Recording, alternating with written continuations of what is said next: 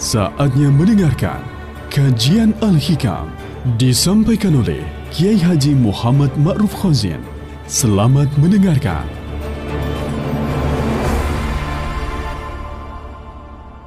Assalamualaikum warahmatullahi wabarakatuh.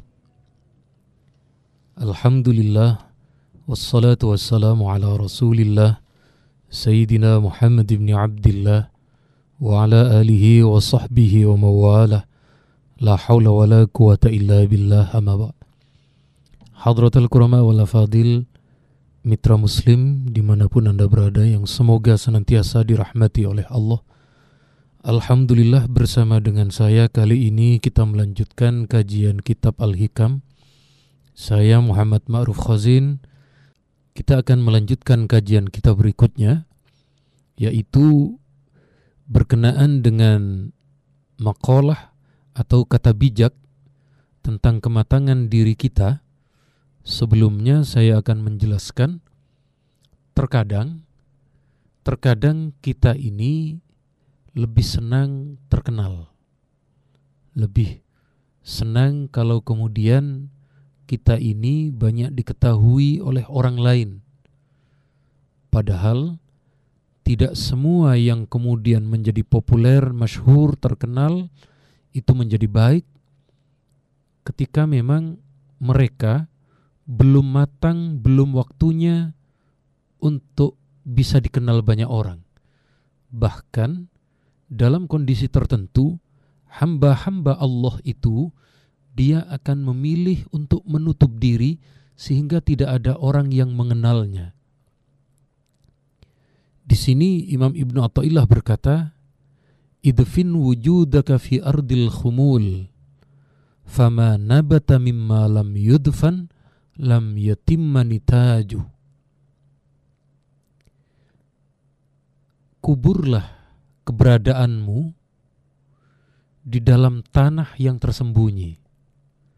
Sebab sesuatu yang tumbuh di saat belum sempurna ketika ia ditanam, maka tumbuhan itu tidak akan sempurna.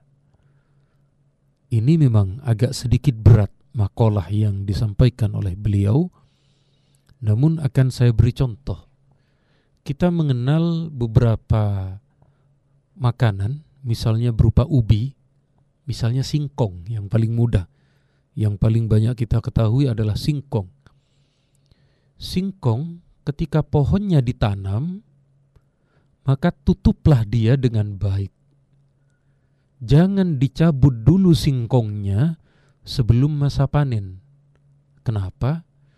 Karena kalau belum masa panen kemudian singkong itu dicabut, maka yang keluar itu bukan makanan yang enak, tetapi memang masih belum bisa dinikmati. Belum jadi istilahnya. Oleh karenanya, sekali lagi, kita, kita ini terlebih dahulu ketika ada beberapa hal, sebaiknya kita simpan dulu. Kita simpan dulu, jangan kemudian ditampakkan.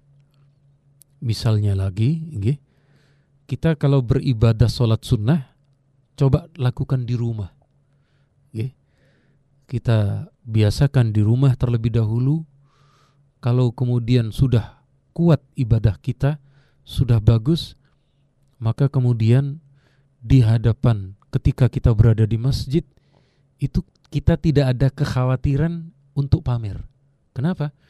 Karena ketika tidak ada orang sama sekali, kita mampu melakukannya. Sebaliknya, hari ini kita banyak menyaksikan, termasuk mungkin diri kita, ketika di masjid kita seolah nampak begitu banyak melakukan ibadah sholat sunnah. Tetapi ketika berada di rumah nyaris tidak pernah dilakukan.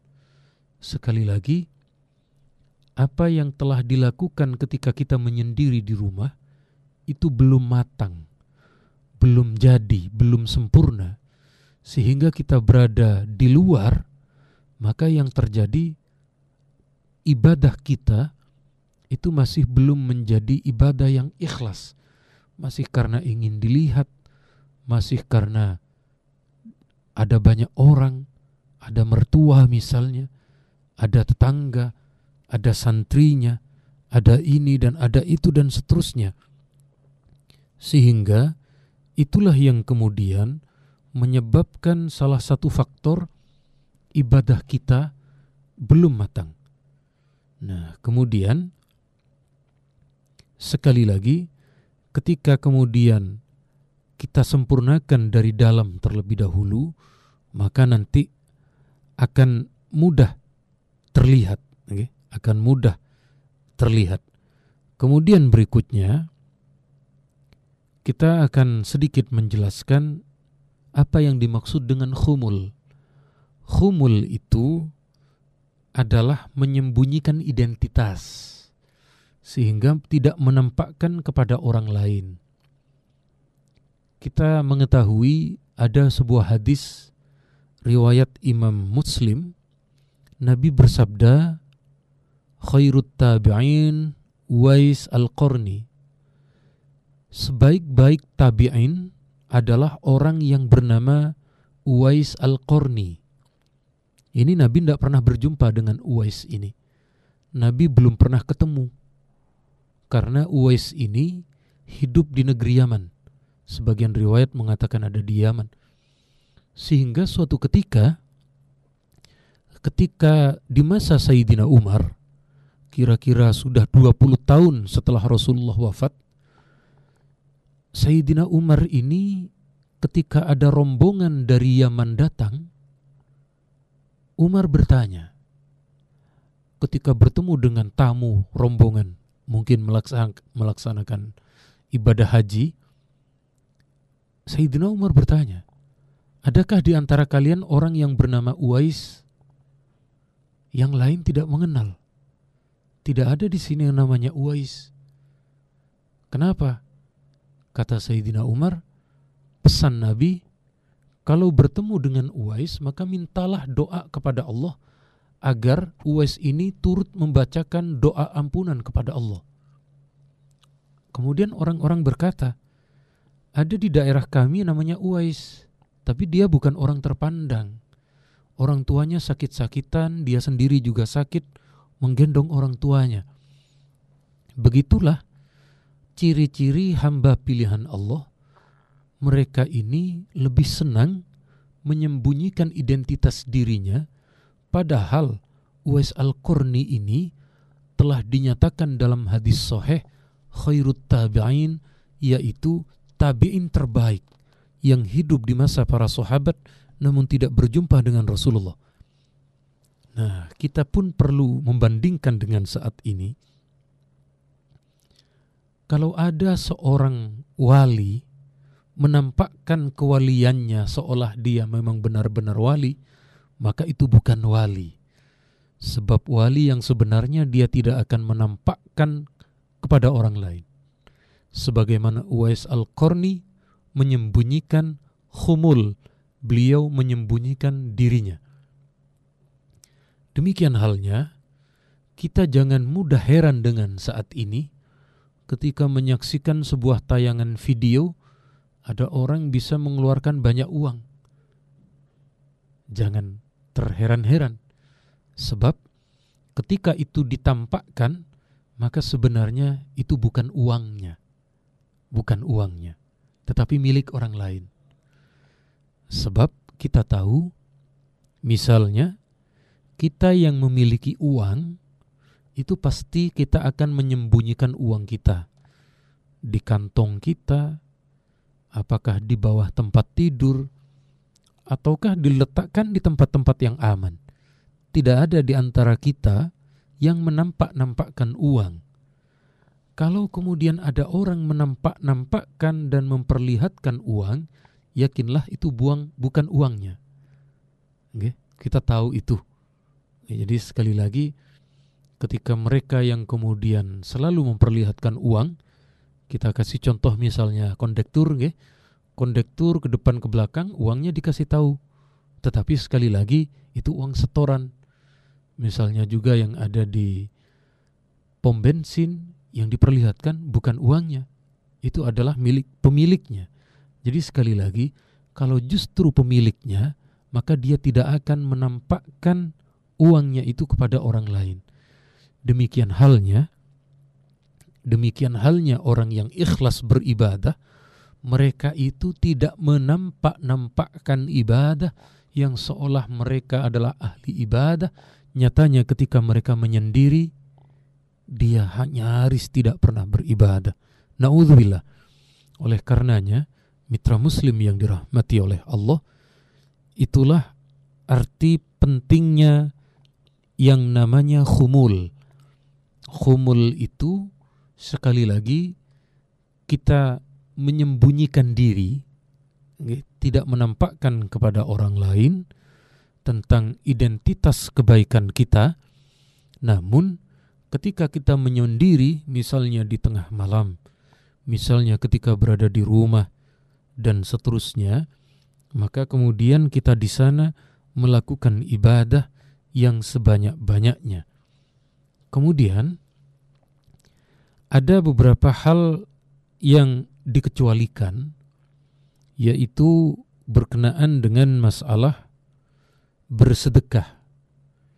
Bersedekah kita mengetahui di dalam ayat Al-Qur'an di dalam surat Al-Baqarah Allah menyebut ada dua tipikal manusia yang ketika bersedekah terkadang ada sebagian yang ditampakkan ada yang sebagian memang tidak ditampakkan. Maka kalau bersedekah ini Allah memberi semacam dispensasi untuk menampakkan intu betul sadaqati fani'immahi kalau kita menampakkan sedekah maka itu sudah bagus.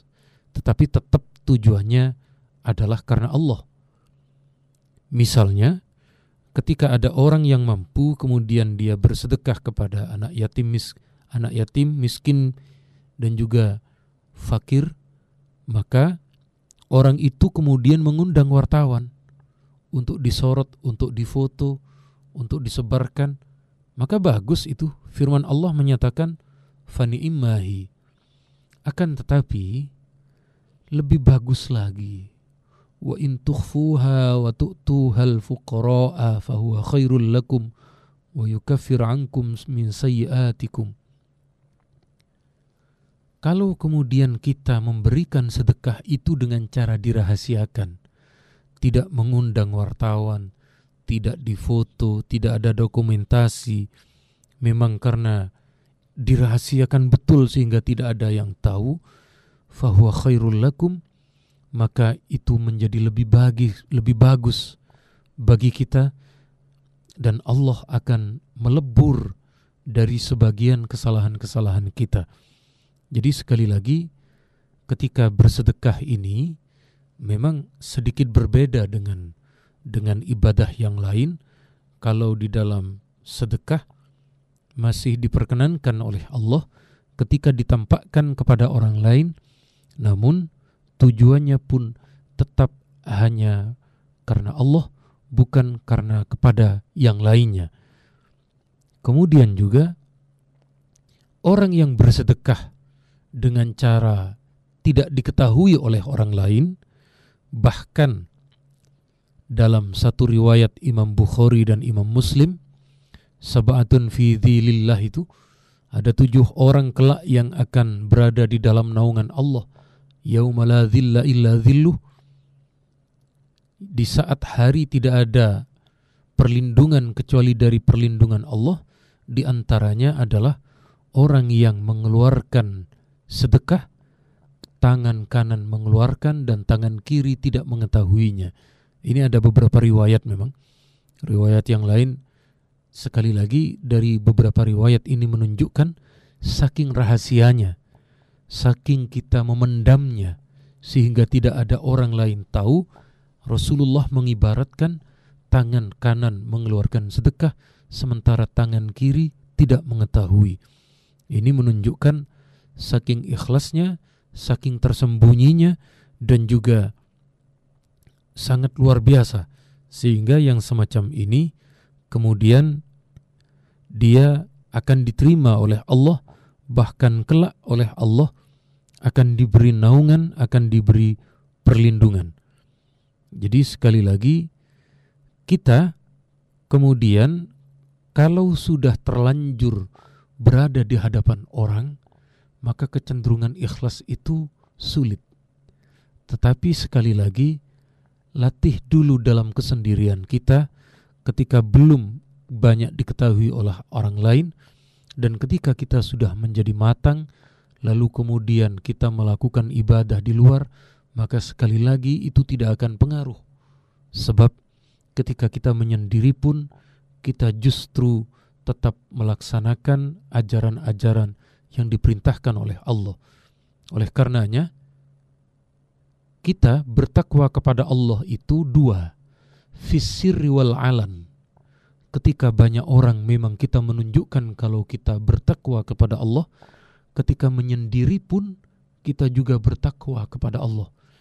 Jangan sampai takwa kepada Allah hanya di saat banyak orang. Namun ketika menyendiri, kita justru tidak menampakkan orang yang bertakwa kepada Allah.